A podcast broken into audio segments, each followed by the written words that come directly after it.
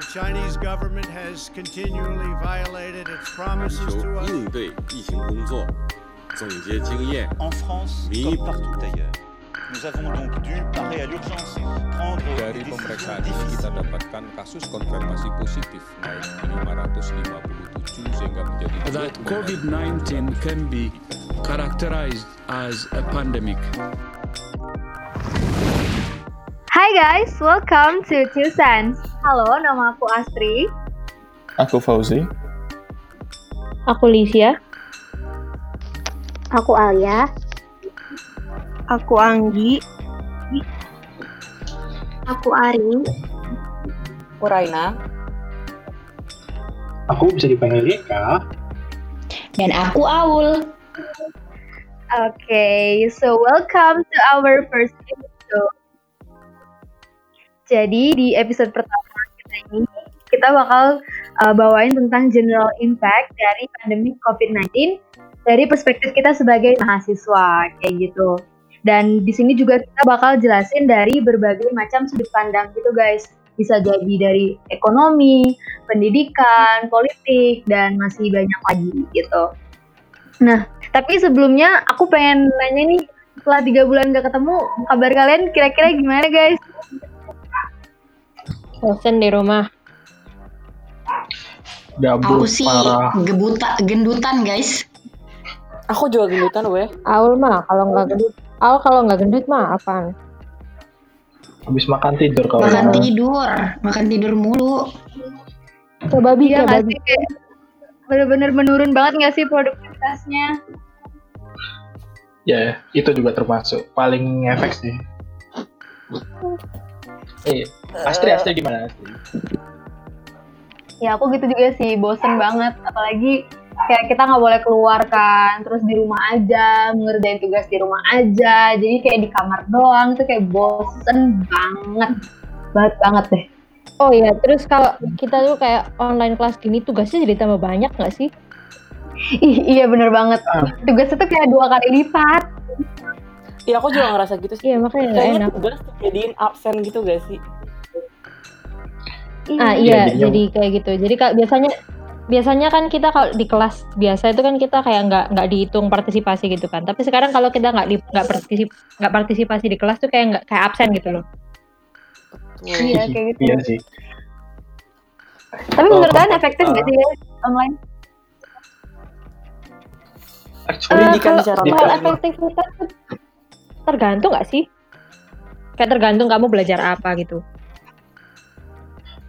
depends on the people. Kalau misalnya kamu belajar, nah iya, kalau misalnya kamu belajar apa ya, IT gitu, mungkin atau komunikasi itu bisa mungkin. Tapi kalau misalnya Teknik. pelajaran kayak, nah iya teknik itu kan nggak bisa gitu ya secara online. Mungkin bisa, cuma terbatas. Iya. iya Ini efek sih. Kalau menurutku Wow. juga kayak tergantung sama siswanya juga sih. Kayak gimana mereka bisa eh, ngadepin, ngandelin diri sendiri. Mau gak belajar dengan sendiri? Karena kalau di online kayak gini aku ngerasa harus ada semangat belajar dari siswanya juga. Gak cuma kayak di kelas biasa. Hmm. Nah iya sih, soalnya kalau kalau kamu nggak ada semangat belajar tuh akhirnya kamu apa ya, jadi kayak bahasanya apa ya, keteteran gitu loh. Jadi Ya, ya, iya, iya. Terus kayak Bener masuk ke sih. kelas online juga asal buka aja. Tapi habis itu ditinggal tidur atau ditinggal ngapain. Ayo, Ayo, siapa? iya, tahu. Gitu. Aku kemarin Aku. lain lain. itu kayak Raina Aku Pengalaman banget pengalaman Rain. pribadi tuh. Pengalaman pribadi.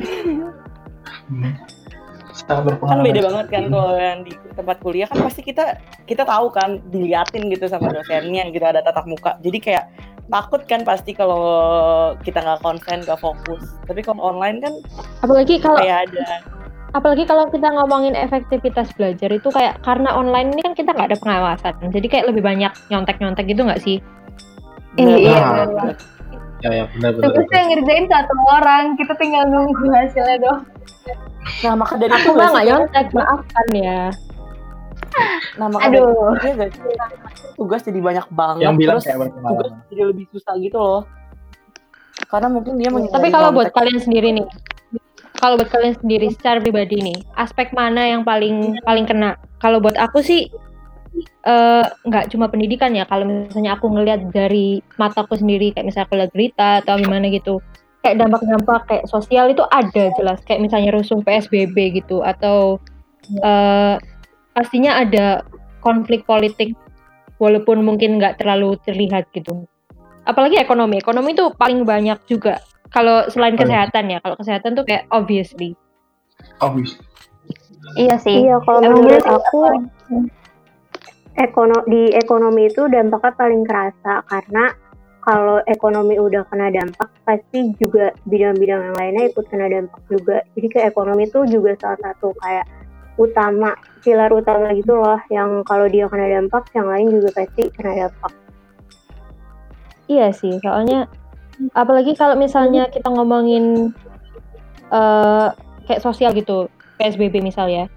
Itu kan juga ada koneksinya sama ekonomi karena misalnya nggak ada aktivitas ekonomi akhirnya orang-orang tuh kan nggak ada nggak ada pemasukan lah ya istilahnya nggak ada income. Jadinya akhirnya mereka pasti against PSBB karena mereka pengen kerja juga kan. Itu kan ya kaitannya juga ekonomi lagi. Terus kalau misalnya international politics juga pasti ngikutin ekonomi karena gimana ya ngomongnya? Karena ekonomi itu kayak Sebagai uh, jiwa hidup. let's say ya like the main problem gitu. Kalau main problemnya di ekonomi pasti semuanya kena. Karena kalau misalnya politik itu juga ngikutin arusnya ekonomi. Iya sih, Kalau aku benar-benar. Ya? Kalau aku dari aspek yang paling terkena dan mengenai itu tuh kayak cuma pendidikan doang sih. So- eh, sosial mungkin dikit. Tapi kalau yang ekonomi mungkin karena aku sebagai mahasiswa cuma kayak dompet terasa lockdown karena nggak dapat uang jajan dari dari orang tua. Tapi kalau dilihat Iya. ya emang banyak sih aspek-aspek. Oh, kirain. Eh, kalau uang jajan sih memang disayangkan ya kayak siapa yang nggak mau jajan. Iya bener banget. Aduh nggak bisa beli skincare bulan ini. Skincare bangke. Iya, kita tuh juga. karantin tuh harus tetap glowing Nggak ya. sih, biasanya kalau- perawatan ya. Iya. Ngomongin Kalau aku mah di rumah beli ini- makanan bukan beli skincare. Oh ya ngomong-ngomong Kita pas di rumah ini aku kayak ngerasa- lebih sering belanja online gak sih? Iya, Ah banget. iya. Nah, itu mungkin dampak Jadi positif kena yang bisa dilihat. bersihin. Mungkin itu salah Iya, satu aku malah nggak pernah sama sekali loh belanja online ya, yang bisa kita ambil mungkin dari situasi seperti ini. Pekerja-pekerjaan Tapi nggak cuma- yang online itu. Contohnya kayak Benernya Grab, nggak- Gojek. nggak cuma belanja online juga sih kayak kita juga lebih jadi lebih sering kayak apa nyari-nyari hobi gitu loh supaya kita nggak gabut Iya lebih banyak yang buka bisnis sekarang tuh. Kayak buka Mm-mm. bisnis makanan.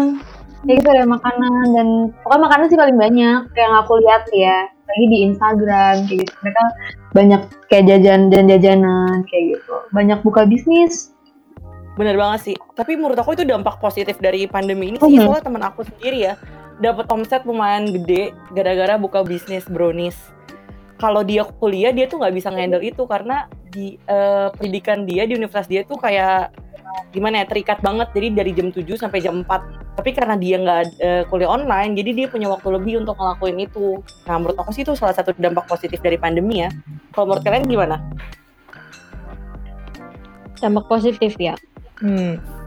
kalau menurutku dampak positif itu lebih kayak kalau buat aku pribadi tuh ya lebih ke lingkungan sekitar nggak sih kalau misalnya kita ngomong lebih dekat sama keluarga atau gimana gitu atau lebih dekat sama teman mungkin walaupun mungkin ada jarak ada distance gitu karena kita social distancing kita kembali ke daerah masing-masing tapi akhirnya kita develop apa communi- communication skills gitu loh ya mungkin nggak secara langsung bisa didapetin kalau misalnya kita offline gitu Bener bener bener juga sih. Soalnya aku ngerasa Iya kayak sih. jadi punya banyak waktu lebih gitu gak sih sama keluarga. Kalau enggak kan kita pasti lagi di Cikarang kan di dorm kita masing-masing. nah Iya iya sih bener. apalagi Ngomong- apalagi yang dari luar pulau gitu Nah ya, ngomong-ngomong soal gini, so, so- soal lingkungan sekitarnya itu kan ngambung ke sosial impact juga sih ya. Tapi menurut uh, tapi ada juga sebagian masyarakat yang yang mengecap bahwa uh, pasien COVID-19 itu sebagai penyebar virus, penyebar wabah. Apakah itu kan bisa juga memunculkan stigma negatif di masyarakatnya? Itu gimana itu? Nah, iya, itu tuh kemarin kemarin tuh ada temenku yang pulang dari luar negeri. Terus dia tuh bilang kalau dia tuh di diperlakukan kayak apa? Kayak musuh gitu loh, kayak iblis, kayak something foul. Jadi aku kayak nggak suka itu dari stigma sosial dari COVID-19 tuh gitu karena kayak ya maklum lah ya karena semua orang itu bisa dianggap sebagai ancaman kepada kesehatan sendiri. Tapi kayak bukan berarti kita harus kayak mengasingkan orang gitu loh. Nah iya, mereka juga nggak sebenarnya kan nggak pengen buat kena virusnya ini sebenarnya. Iya siapa yang pengen Nah, sih ya kan. Nah, Tapi Tapi menurut kalian dari situ itu sih. tuh iya sih itu tuh menurut kalian dari apa situ. sih media-media tuh kayak mempengaruhi nggak sih yang bikin masyarakat tuh jadi panik terus jadi memunculkan stigma-stigma yang kayak gitu terus banyak juga hoax dan berita-berita yang apa ya yang nggak valid sebenarnya jadi kayak itu tuh nimbulin apa ya misinformasi terus jadinya orang-orang tuh jadi muncul stigma-stigma negatif sama orang-orang yang kayak kena kena covid yang kayak kamu ceritain tadi gitu Liz Mhm. Em, aku sih juga Eh, punya cerita kalau- nih. Eh, jadi teman aku nih eh, lagi apa nunggu hasil tes gitu. Jadi selama dia menunggu hasil tes itu ada banyak banget nih chat yang berteba- bertebaran di em, WhatsApp kayak gitu di grup keluarga dan sebagainya. Kalau dia tuh udah positif bahkan yang kayak gitu-gitu aja orang di sekitar kita tuh kena sama hoax apalagi dari media apa media besar gitu loh. Kayak gitu. Dan tambah panik jadi dia bisa aja dikucilin juga karena itu juga. Karena berita yang belum eh, benar adanya tapi dibuat-buat oleh orang-orang yang nggak bertanggung jawab kayak gitu. Iya, kemarin teman kita sendiri aja deh kayak gitu kan. Menurut aku sih kuncinya kayaknya kita emang harus bacanya itu kayak media-media yang media besar gitu lah, media yang udah terpercaya kayak kayak misalnya Jakarta Post gitu-gitu loh yang harus kita baca bukan yang kayak media-media yang kurang terpercaya juga gitu kan. Bener banget sih. Kalau menurut aku juga kayaknya harus masyarakatnya sendiri yang lebih kritis terhadap media.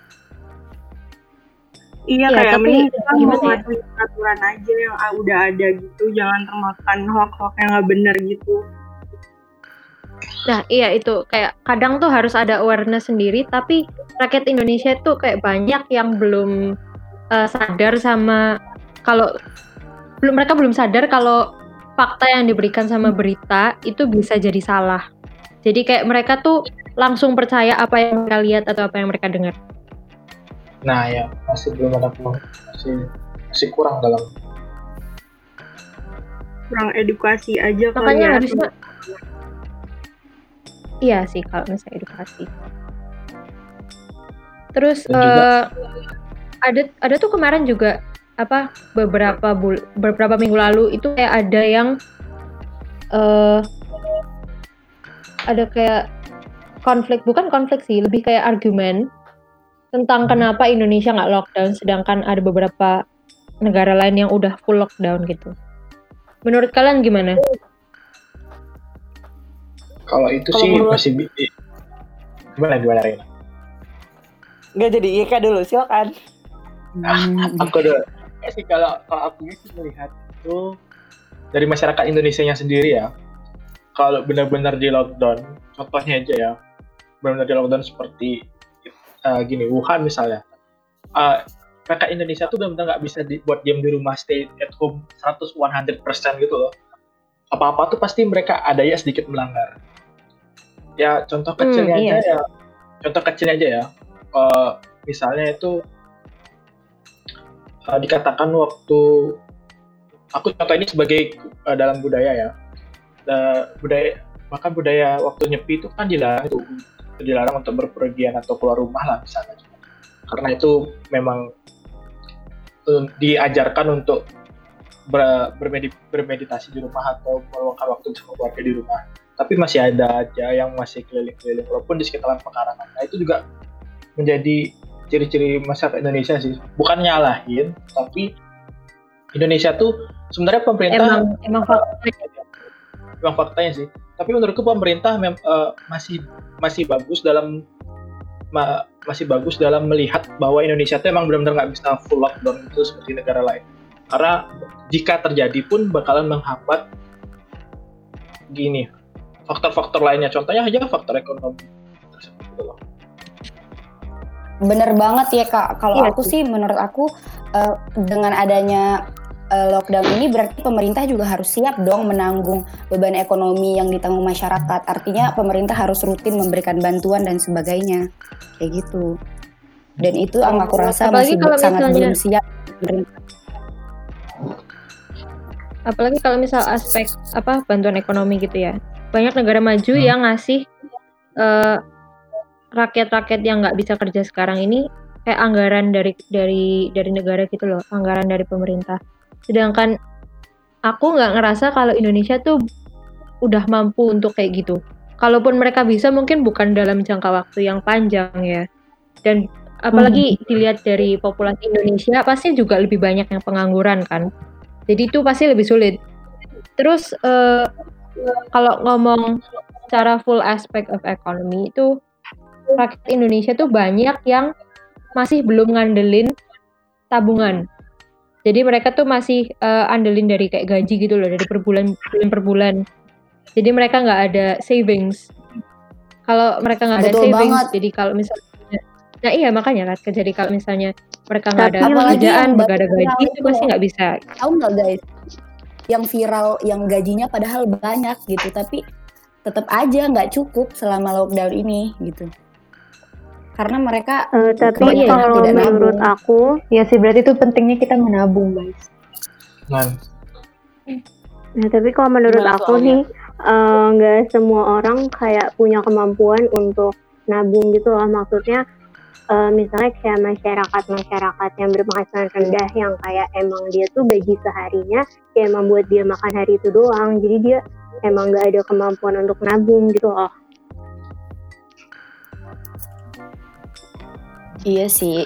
Justru di situ peran pemerintah harus memberikan apa namanya bantuan berupa tanggung jawab ekonomi yang mereka tanggung itu loh. Tapi Iya, Kak, kalau misalkan Tapi menerapkan lockdown total nggak bakalan lebih susah lagi karena banyak yang bakalan harus di cover sama pemerintah kayak gitu. Ya soalnya kalau dilihat aja sih sekarang ini nggak full lockdown kan, nggak full lockdown aja ekonomi kita udah, Iya. our economy has already suffered gitu kan. Apalagi kalau full lockdown di mana kamu nggak bisa ke mana-mana, kamu harus di rumah, pasti lebih susah. Sebenarnya kalaupun nggak mau full lockdown, eh, pemerintah juga dari awal sistemnya udah salah nggak sih? Kayak banyak miskom, terus mereka nggak pakai data kalau bikin kebijakan. Terus kalau misalnya ada pakar kesehatan ngomong, kadang mereka nggak dengerin gitu. Jadi dari awal tuh kayak sistemnya pemerintah Indonesia buat tanganin pandemi itu tuh udah kayak antara ada dan enggak, ya nggak sih? Hmm, aku nggak tahu ya kalau di pusat, kalau di daerah aku sendiri nih misalnya eh, apa kan orang yang baru balik dari daerah terjangkit nih itu tuh nggak nggak dikarantina langsung gitu. Mereka dikumpulin di satu tempat, tapi habis itu udah dibiarin pulang. Artinya ketika mereka tes swab pun, eh ketika mereka tes pun nanti mereka udah banyak kontak sama keluarganya atau siapa gitu. Jadi kayak gimana ya rasanya? kayak telat gitu loh ngasih kebijakannya suka kayak gitu Iya benar dan nggak tegas juga dari awal. iya Nah iya itu loh makanya kayak sayang pemerintah itu banget pemerintah itu apa ngandelin inisiatif Hmm. Tapi gimana ya? Eh, kalau kita dikerasin juga, malah kita yang takutnya ngelonjak gitu loh. Takutnya sih sebenarnya. Iya ciri-ciri masyarakat Indonesia guys, fun fact. Eh, soalnya kan. Tapi emang eh, gitu contoh- sih. Iya. Kayak contohnya Tapi aja soalnya kayak dilarang. perlawanan kita kita tuh kita tuh gimana ya? Masyarakat Indonesia itu biasanya suka lebih cenderung ngelawan nggak sih? Jadi kayak mereka dikasih kebijakan ini mereka nggak setuju, dikasih kebijakan itu mereka nggak setuju. Mungkin bukan nggak setuju, tapi lebih kayak you cannot satisfy everyone. Ya, walaupun Karena mungkin sih. bukan nggak setuju juga sih kalau menurut aku. Karena di, di setiap kebijakan tuh pasti ada aja aspek yang harus dikorbanin. Nah, setiap aspek yang dikorbanin itu, nah nanti orang yang orang yang merasa di bidang itu, yang merasa terkena dampaknya itu akan protes terhadap kebijakan itu. Jadi kayak nggak ada kebijakan yang bener-bener memberikan manfaat atau mengurangi dampak dari eh, COVID-19 dari semua aspek gitu. Ih, aku jadi ingat itu loh. Omelet. Makasih tuh? Raina. Aduh, aku suka banget nih pendapat kamu. Omelet apa hubungannya dah? itu yang sering di- dibilang Kak Fitra. Hah? In order to Wah, make an omelet, ya you need to ampun. break a few eggs. ya kan? Oh ya benar-benar benar Ya, benar jadi banget. intinya ya intinya intinya kalau kamu mau ngelakuin sesuatu harus ada yang dikorbanin. Betul. Iya, jadi kayak nggak ada. Oke, so let's let's just say that there is no such thing as a perfect policy, gitu kan? Ya, ya, bisa. Benar, benar. Ngomongin soal kebijakan ya, dan ini juga eh, sambungannya eh, untuk bantuan juga tadi yang kita omongin tadi itu untuk di Bali terutama ya, untuk di Bali itu kan ada namanya Banjar atau bisa dibilang di daerah Jawa itu RT RW kan misalnya. Nah, setiap Banjar itu sekarang udah dapat eh, gini sumbangan sembako gitu per kepala keluarga. Kita tuh nggak ada, kita tuh eh, di sini ya letaknya tuh kita tuh nggak ada nggak ada kita udah ngedata sebenarnya siapa keluarga yang mampu, siapa siapa yang kurang mampu. Tetapi biar secara adil kita sebarin aja dulu sembakonya, tetapi nanti inisiatif dari keluarga yang sudah mampu tersebut bisa kita berikan, eh, bisa mereka eh, relakan atau ikhlaskan sembako bagian mereka tuh tersebut ke keluarga yang tidak mampu. Contohnya itu kayak terutama di eh, daerahku sendiri ya, Ad- eh, kita ini udah kebagian sembako bisa eh, kemungkinan per bulan sekali bisa atau kadang di daerah daerah-daerah yang masih kayak pedesaan itu mereka dapat bantuan per tiga minggu bisa. Itu itu dari eh, gini sih cerita teman-temanku juga di daerah Karangasem juga ada.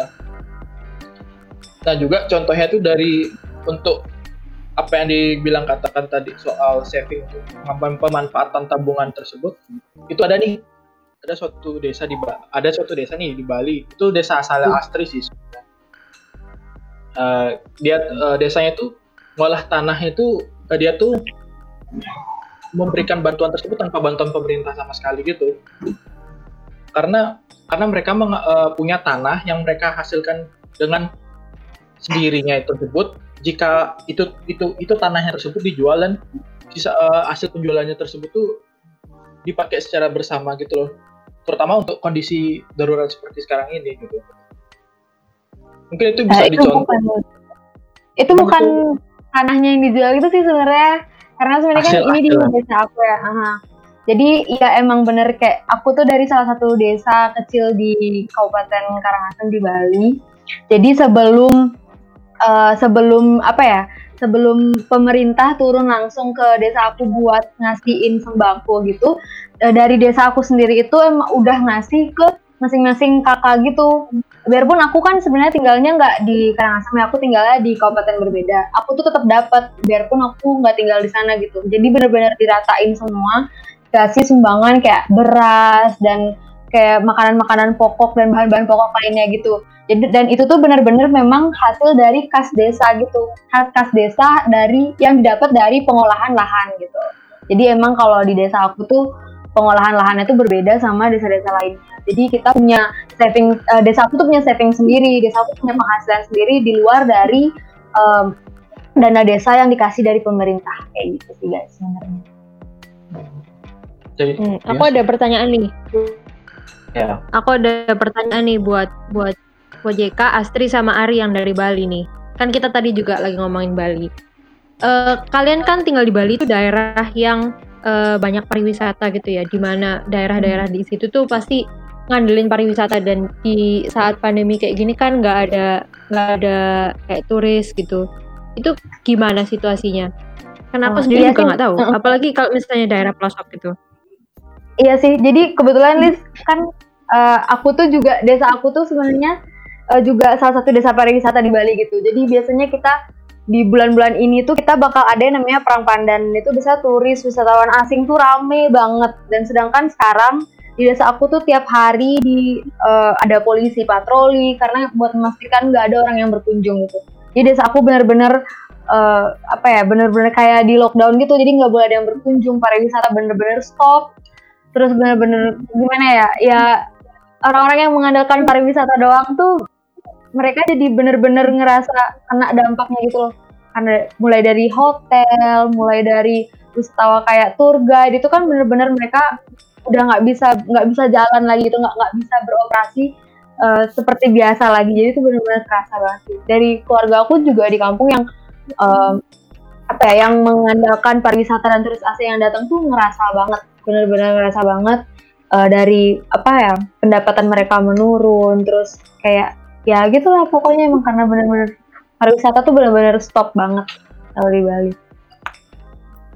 Berarti kalau kalian itu bantuannya itu berarti dari pemerintah ya? Tapi kalau Iya, dari- dari- campuran dari masyarakat juga dari hasil buminya. Iya. Ah, tapi aku dari pemerintah juga nerima sih. Cuma lebih dulu dari desa aku dulu. Jadi dari desa aku ngeluarin dulu buat masyarakatnya, terus eh, baru setelah beberapa bulan baru pemerintah. Gitu. Karena ya kita sadar lah pemerintah juga nggak bisa secepat itu kan turun langsung. Iya. Ya gitu.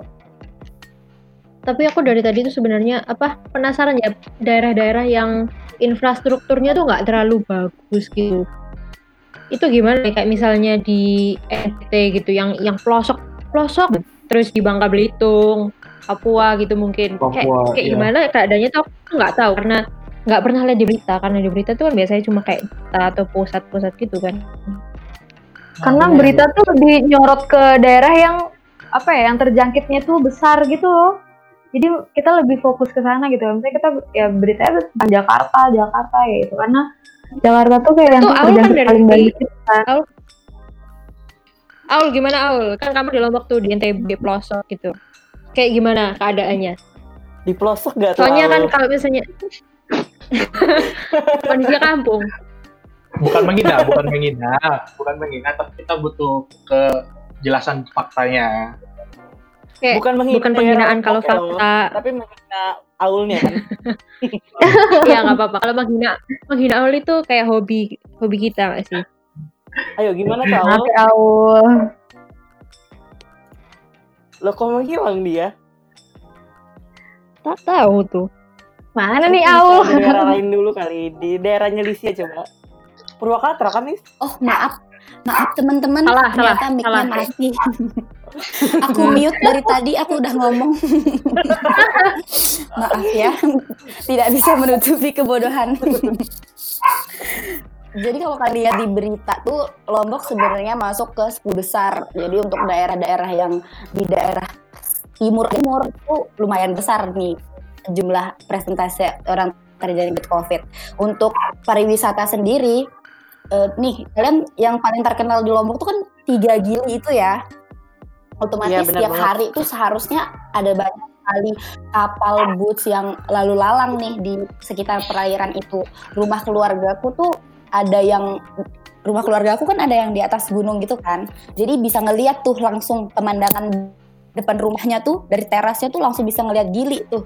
Lo kok agak sombong tuh ya? biasanya dia ngeliat ada banyak sombong banget dong kita ngeliat pantai tiap hari nih. Ayo orang Lombok yang denger tepuk tangannya mana buat aku. Eh, berarti berarti berarti Aul tuh Aul tuh eh, manusia gunung kayak orang hutan gitu.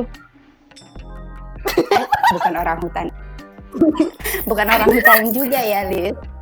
Aku tuh sangat bangga gitu berasal dari Lombok gitu. Aduh. Ada tugas Sama apa? aku Aku salah maunya gitu ya, tadi. tuh yang dibahas. Tadi yang yang yang membodoh diri sendiri tuh Nah, siapa jadi- gitu Aul? Kayak cocok aja. Aduh, ada suara kucing. Kayaknya karena topik kita hot banget, gue pun pengen ikut nimbrung gitu ya guys. Aku nggak mau ngambil Lombok. Belum bersuara. Sampai mana tadi? Sampai boots nih. Kapal boot. Nah, jadi kapal tuh biasanya yang lewat itu banyak nih tiap hari. Tapi karena karena ada corona ini, jadi satu hari tuh paling sat, eh, dua atau enggak dua sampai tiga kapal doang yang lewat tiap hari. Itu buat eh, masyarakat yang membeli ke- keperluan sehari-harinya saja gitu. Jadi orang asing tuh dilarang buat masuk ke daerah Gili itu. Jadi segitu pemerintah sudah Hmm. mulai gencar nih memberikan kebijakan yang. Apalagi kemarin lebaran nih, kita tuh nggak boleh buat deh. mudik. Di Perbatasan dijagain polisi. Apa gimana? Makanya di awal Lombok itu termasuk eh, daerah yang apa sih namanya depend ke pariwisata gak sih atau gimana? Em, menurut Ada aku sih wisata eh, lumayan daerah wisata. Saingan sama Bali nih. Kan tetanggaan ya kan? Infrastrukturnya jujur belum. Gimana? Kan kita tetanggaan, Eh, Au. tapi kalau iya bener banget. Jadi kalau kalau kalau sama Bali nih kalau dibandingin Bali ma- jauh lebih maju karena infrastruktur di Bali itu udah bagus menurut aku. Karena dia udah dari lama kan jadi daerah pariwisata. Nah, Lombok ini baru di, hitungannya lah baru di, baru baru dilirik gitu. Baru dimulai bangun infrastrukturnya dan sebagainya. Berarti belum Nah. depend terhadap belum sa- belum Tapi au au Ya mana ada gak tahu kamu dari ngomong. pemerintah juga yang kayak daerah Bali gitu? Lombok juga dapat Apa? gak sih atau gimana? Sumbangan dari pemerintah untuk masyarakat sekitarnya? Em, aku nggak terlalu tahu sih, cuman kalau aku dengar dari keluarga aku yang di da- eh, di di daerah Lombok Utara namanya, mereka udah mulai dapat beberapa bantuan. Kalau kalau bantuan kecil seperti masker dan hand sanitizer tuh sebagian besar mereka dapat. Cuman kalau uang, aku belum tahu sih detailnya kayak gimana. Ya, ya kali sih Gue nggak tahu ngomongin hand. Ngomongin hand sanitizer kan di sini tuh di tempatku tuh banyak tau nggak sih nyediain hand sanitizer tapi terus kayak dicuri gitu loh. Iya. Curinya gimana ada yang nyuri seriusan. Iya Buat jadi apa? jadi dicuri di kayak biasanya biasanya kan hand hand sanitizer tuh kayak misalnya kalau disediain di tempat umum tuh kayak kayak satu liter gitu bisa bisa hil- hilang loh kayak diambil orang. Selalu Padahal udah banyak loh sekarang yang dijual. Pokoknya apa aja pasti bakalan diambil. Nah iya makanya Nah, ini juga kayak sebel banget gitu. menimbul menimbulkan situasi yang negatif dari masyarakat yang kalau kayak gitu. Ada yang nyuri sanitizer. Eh, Tapi itu buat dijual lagi ada kesempatan. Dijual berapa itu? itu makanya kalau di masa kayak gini nih yang emas-emasnya itu adalah masker sama hand sanitizer Masker ada yang maling juga. Maksudnya sekarang udah banyak gitu loh yang jual. Jadi kalau buat dipakai tuh kayak nggak mungkin gitu kan. Karena mau beli pun ada tapi ya nggak tahu juga sih ya. Nah iya, Tapi agak Ngomongin mahal. masker ya. Aku kemarin sempat beli di, di Alfatit, harganya dua puluh satu ribu. Mahal. Isi lima. Alfatit. Aku sebelas ribu. Mahal.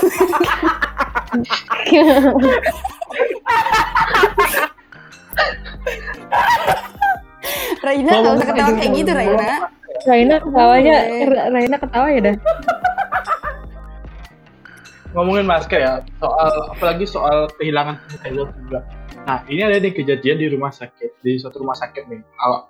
Karena ada ada orang terdekat yang mengalami juga secara langsung bahwa di rumah sakit itu kan emang disediain masker gitu kan untuk perawat maupun buat pasiennya dan juga orang-orang yang eh, gini kan yang nungguin pasiennya. Nah itu tuh kan udah ditaruh tuh di udah taruh tuh di, di lacinya di, di laci gini di laci tempat penyimpanan perawat tuh di laci penyimpanan perawat itu.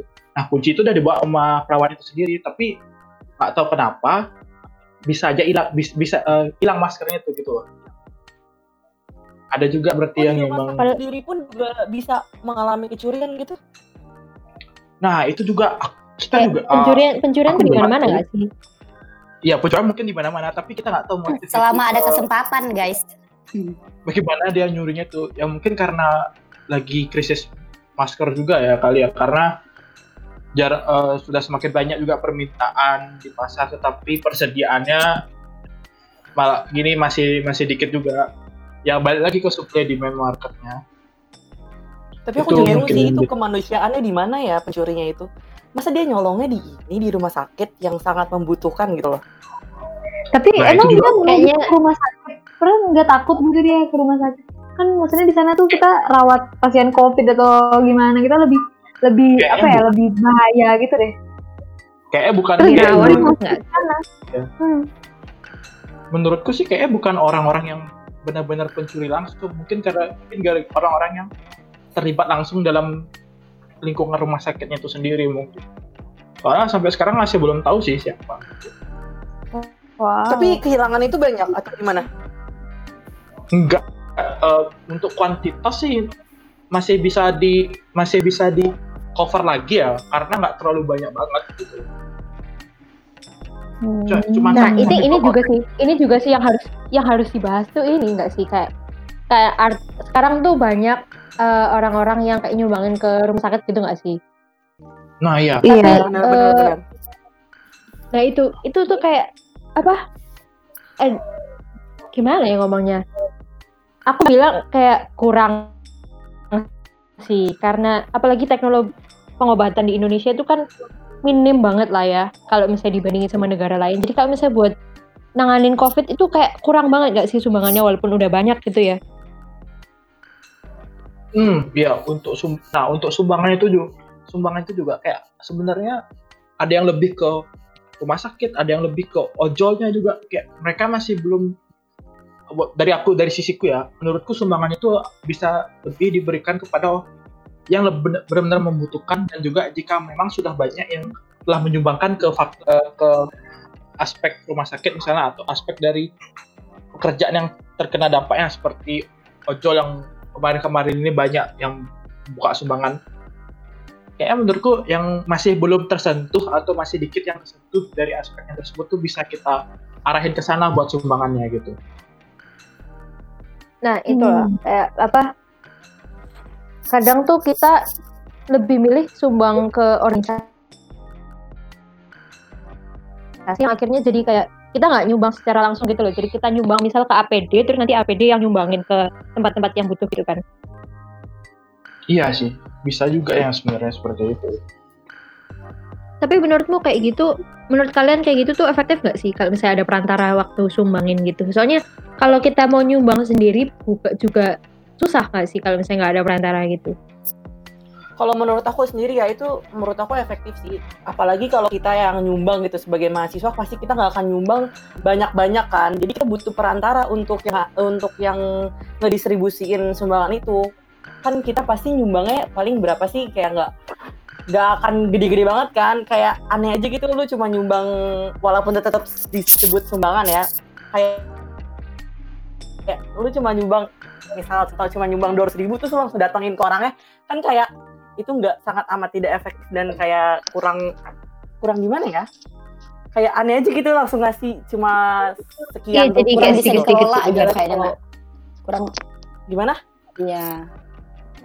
Dan juga di kondisi kayak gini nih nggak aman buat nggak terlalu aman buat kita buat terjun langsung misalnya langsung ke rumah sakitnya kayak gitu. Bener-bener. Buat kita Dan keliling-keliling menurutku gitu. kalau pakai guys. Jadi stay perantara, at home. guys guys menurutku kalau pakai perantara orang-orang bakal lebih mau nyumbang karena eh, perantara itu apalagi perantara udah terpercaya jadi orang-orang tuh bakal kayak lebih mau donasi gitu lah daripada ke akun pribadi yang dia nggak tahu itu siapa. benar-benar benar banget juga sih Make sense ya, lebih make sense. Nah, Ayo. tapi terus gini nih, kita sendiri kita sendiri juga mau nyumbang kan rencananya. oh iya benar Menurut banget kalian gimana tuh?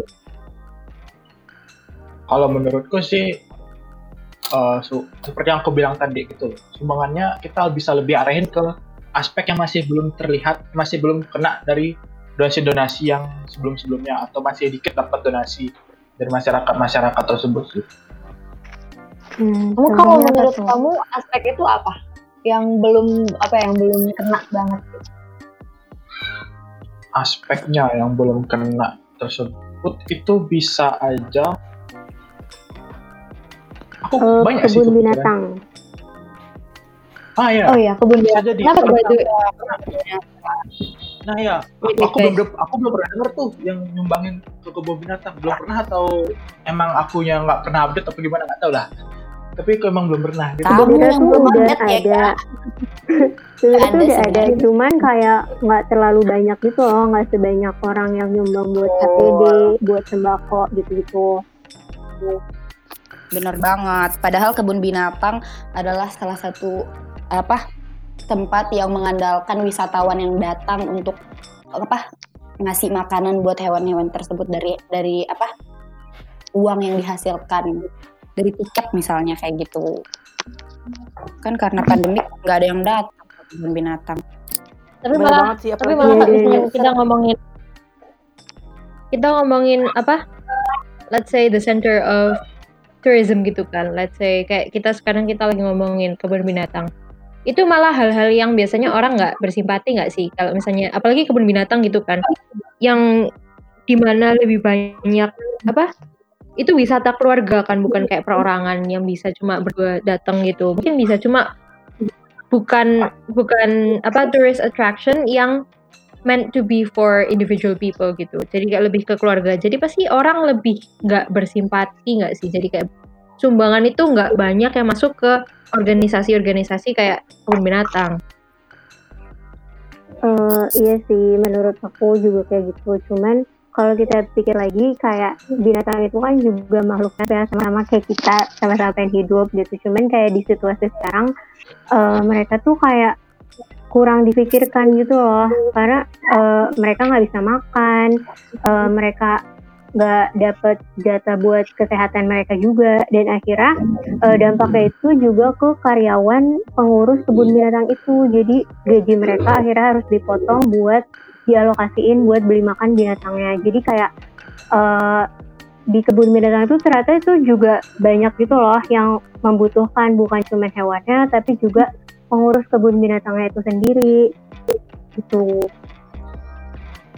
Nah, ya karena kalau udah ngomongin hewan, kalau udah bukan itu biasanya orang-orang malah lebih acuh nggak sih? Jadi kayak lebih kayak ah ya udah bukan urusanku gitu. Which is a shame by the way. Eh tapi menurut kalian selain kebun binatang ada gak sih organisasi lain yang terkena dampak dari pandemi COVID-19 ini tapi eh, kurang diperhatikan oleh masyarakat sekitar? Ada itu APD APD beberapa yang mereka butuh apa personal effort buat donasiin sendiri. Jadi kayak kita donasi ke APD bisa. Terus nanti mereka yang donasiin ke organisasi-organisasi lain. Oh Kan berarti bisa. organisasi Oh tapi berarti organisasi pembuat APD ya? Atau APD Kayaknya ya? sih bisa gitu. Kalau enggak eh, APD APD kecil yang lokal gitu yang yang mungkin mereka cuma donasi eh apa tuh masker atau apa gitu. Tapi kan itu cukup membantu ya kalau misalnya kita mau eh, donasi ke situ juga bisa. Oh benar banget sih. Mereka soalnya sangat membutuhkan itu kan. Soalnya nanti setelah dari sana disalurin lagi ke orang-orang yang sangat membutuhkan. Nah iya pasti kan donasinya mereka kan juga donasinya nggak nggak cuma ke satu tempat. Misalnya mereka oh goalnya tuh buat donasi ke let's say rumah sakit. Tapi kan mereka nggak mungkin kalau misalnya donasi cuma ke satu rumah sakit gitu kan. Jadi kalau misalnya kita mau donasi ke APD itu malah lebih produktif daripada donasiin langsung ke rumah sakitnya secara individu gitu. Menurutku sih. Bener banget sih. Tapi selain itu ada lagi gak sih? eh, Kalau gimana sih ada? Menurut Eka gimana? Eh, kalau kalau aku pertimbanganku sih bisa ke gini sektor pariwisata juga tetapi bukan ke khusus organisasinya tetapi ke orang-orang yang terkena yang ma- yang masuk yang punya yang punya kerjaan gitu loh di eh, sektor pariwisata. Nah, eh, obstacle di sini tuh menurut aku tuh jadinya kita tuh harus ngedata ngedata gitu loh orang eh, setiap orangnya masuk ke sektor pariwisata dan itu tidak bisa kita dapatkan datanya itu di sembarang tempat atau kita dapat datanya gitu aja gitu. Di sana sih menurut pertimbanganku jadinya sebenarnya bisa masuk ke nyumbang ke sektor pariwisata cuman untuk mengetahui siapa-siapa saja yang pantas gitu kita masih lack of aksesnya itu juga itu sebenarnya. Jadi aku masih Tapi kalau agak misalnya bingung mau kalau misalnya mau pun ke kayak donasi ke eh, sektor-sektor pariwisata itu. Kan tadi aku juga udah bilang kalau misalnya pariwisata itu lacking kan sekarang itu. Jadi kayak operas apa operasional pariwisata aja nggak jalan. Jadi kalau misalnya kita donasi ke pariwisata tuh mungkin nggak terlalu produktif, nggak terlalu beneficial. Hmm, iya ya, benar-benar juga sih. Itu juga menjadi bisa pertimbangan. Nah, ya mungkin yang udah dibahas sama teman-teman tadi kan udah ada tiga tuh. Jadi pertama kebun binatang, terus APD kita, contohnya kayak gitu-gitu yang menyalurkan atau bahkan memproduksi APD dan bisa disalurkan untuk apa ke rumah sakit rumah sakit gitu kan. Dan yang ketiga itu apa tadi? Dika, apa tadi kak? Paris, pariwisata, pariwisata. Nah, pariwisata misalnya bisa di Bali atau di mana gitu. Nah, kita masih bingung nih, kan kita mau mengadakan donasi juga. Kita masih bingung subjeknya mau gimana, mau siapa gitu. Mungkin dari teman-teman pendengar kita bisa ada sub, apa suggestion atau saran buat kita siapa sih yang sebenarnya yang seharusnya tuh mendapat bantuan lebih dari kita, mendapat pandangan lebih dari kita, tapi kurang dapat spotlight dari pemerintah atau mungkin kita sendiri bisa DM kita ke kita di Instagram kita yaitu apa guys? Twocents.pods Ya, twocents.pods itu ntar ntar paling ting paling atas sendiri. Ya sebelum DM follow dulu dong. Ya sip. Oke, kayaknya sampai sini dulu diskusi kita. Uh, kita benar-benar mengharapkan banget suggestion dari kalian. Jangan lupa langsung DM kita di susan.pods atau kalian juga bisa kirim email ke kita langsung di susan.pods@gmail.com. Uh, terus jangan lupa buat tetap stay tune karena kita bakal hadir dengan episode-episode lebih menarik lagi buat ngebahas tentang pandemi COVID-19 ini. Dan yang pastinya ini tuh bocoran aja buat kalian. Di episode kedua kita punya tema yang menarik banget. Kita bakal membahas tentang health impact. Nah kalian pasti udah gak sabar banget kan? Jadi jangan lupa tetap stay tune di Two Cents. Bye-bye. Bye. Bye. Bye bye.